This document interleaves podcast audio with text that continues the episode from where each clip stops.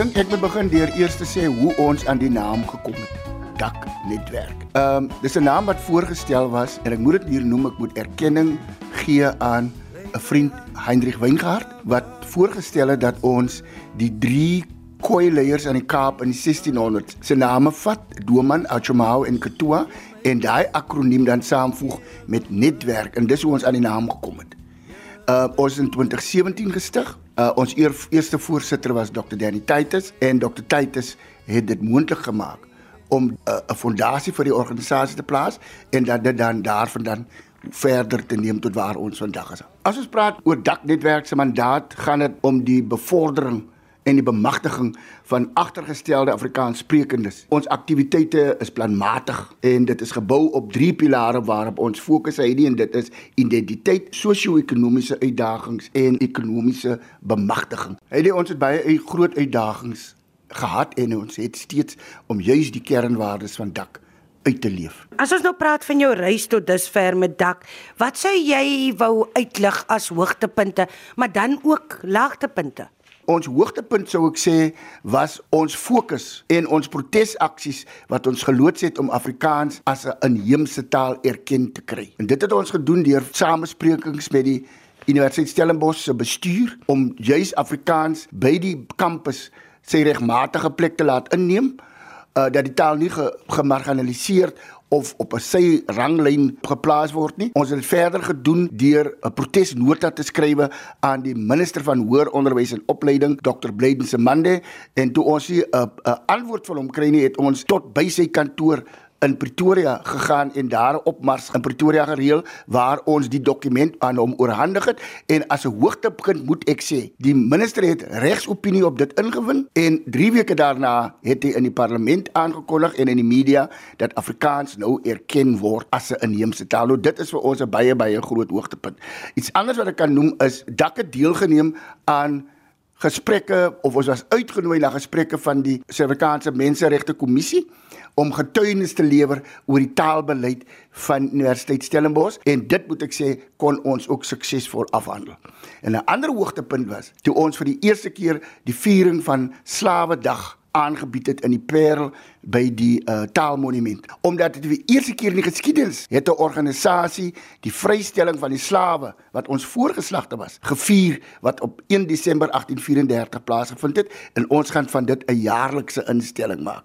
Die daknetwerk het 'n gala geleentheid wat ons jaarliks aanbied en waar ons erkenning gee aan prominente uh mense vir hulle bydrae wat hulle gelewer het tot die ontwikkeling van die spesifieke gemeenskappe waarvan hulle gekom het of dit nou onderwysgebied was of dit nou sportgebied was of dit nou op algemene akademiese gebied was en dan natuurlik om ons voormalige voorsitter te eer bied ons jaarliks die Danitaitis gedenklesing aan en ons op hierdie wyse dan vir uh, Dr. Titus eer en vereer laagtepunte sou ek sê uh, daar's nie veel nie, maar uh, die laagtepunt wat ek wou sê is dat ons het op die oomblik 'n stryd wat ons voer rondom om om finansiële ondersteuning om juis ons projekte aan te pak soos byvoorbeeld ons wil nou weer 'n jeugbyeenkoms aanbied.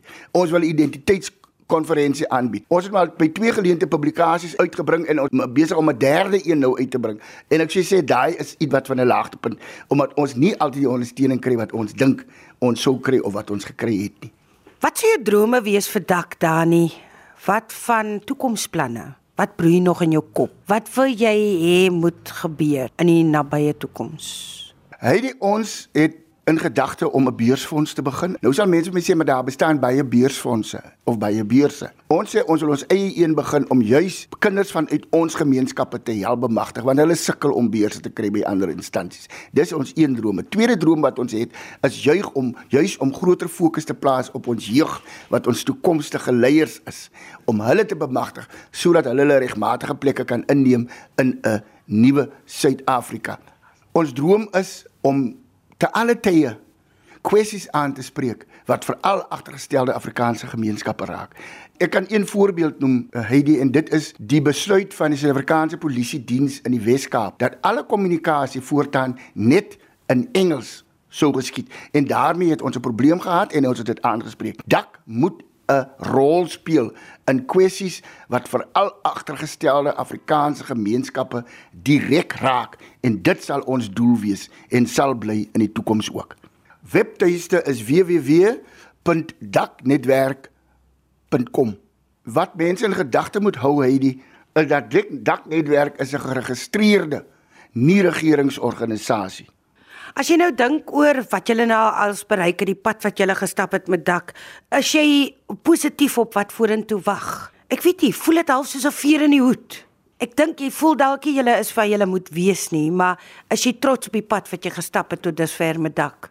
Ons het 'n hele aantal vere in ons hoed. Dit kan ek bevestig deur aktiwiteite, deur aksies wat ons uitgevoer het. Ons groot fokus in die toekoms hy gaan wees om juis alle Afrikaanssprekendes se kwessies aan te spreek en op daai manier seker te maak dat daar kennis geneem word vanuit regeringskringe van die groot rol wat Afrikaanssprekendes tot die Suid-Afrikaanse ontwikkeling kan speel en dat ons nie tweedehandse burgers is maar dat ons almal toegerus is om van Suid-Afrika 'n wenland te maak. Al 44 Afrikaanssprekendes, né? Nee. 44 plus ek, maar ons 45 hy en jy by is 46.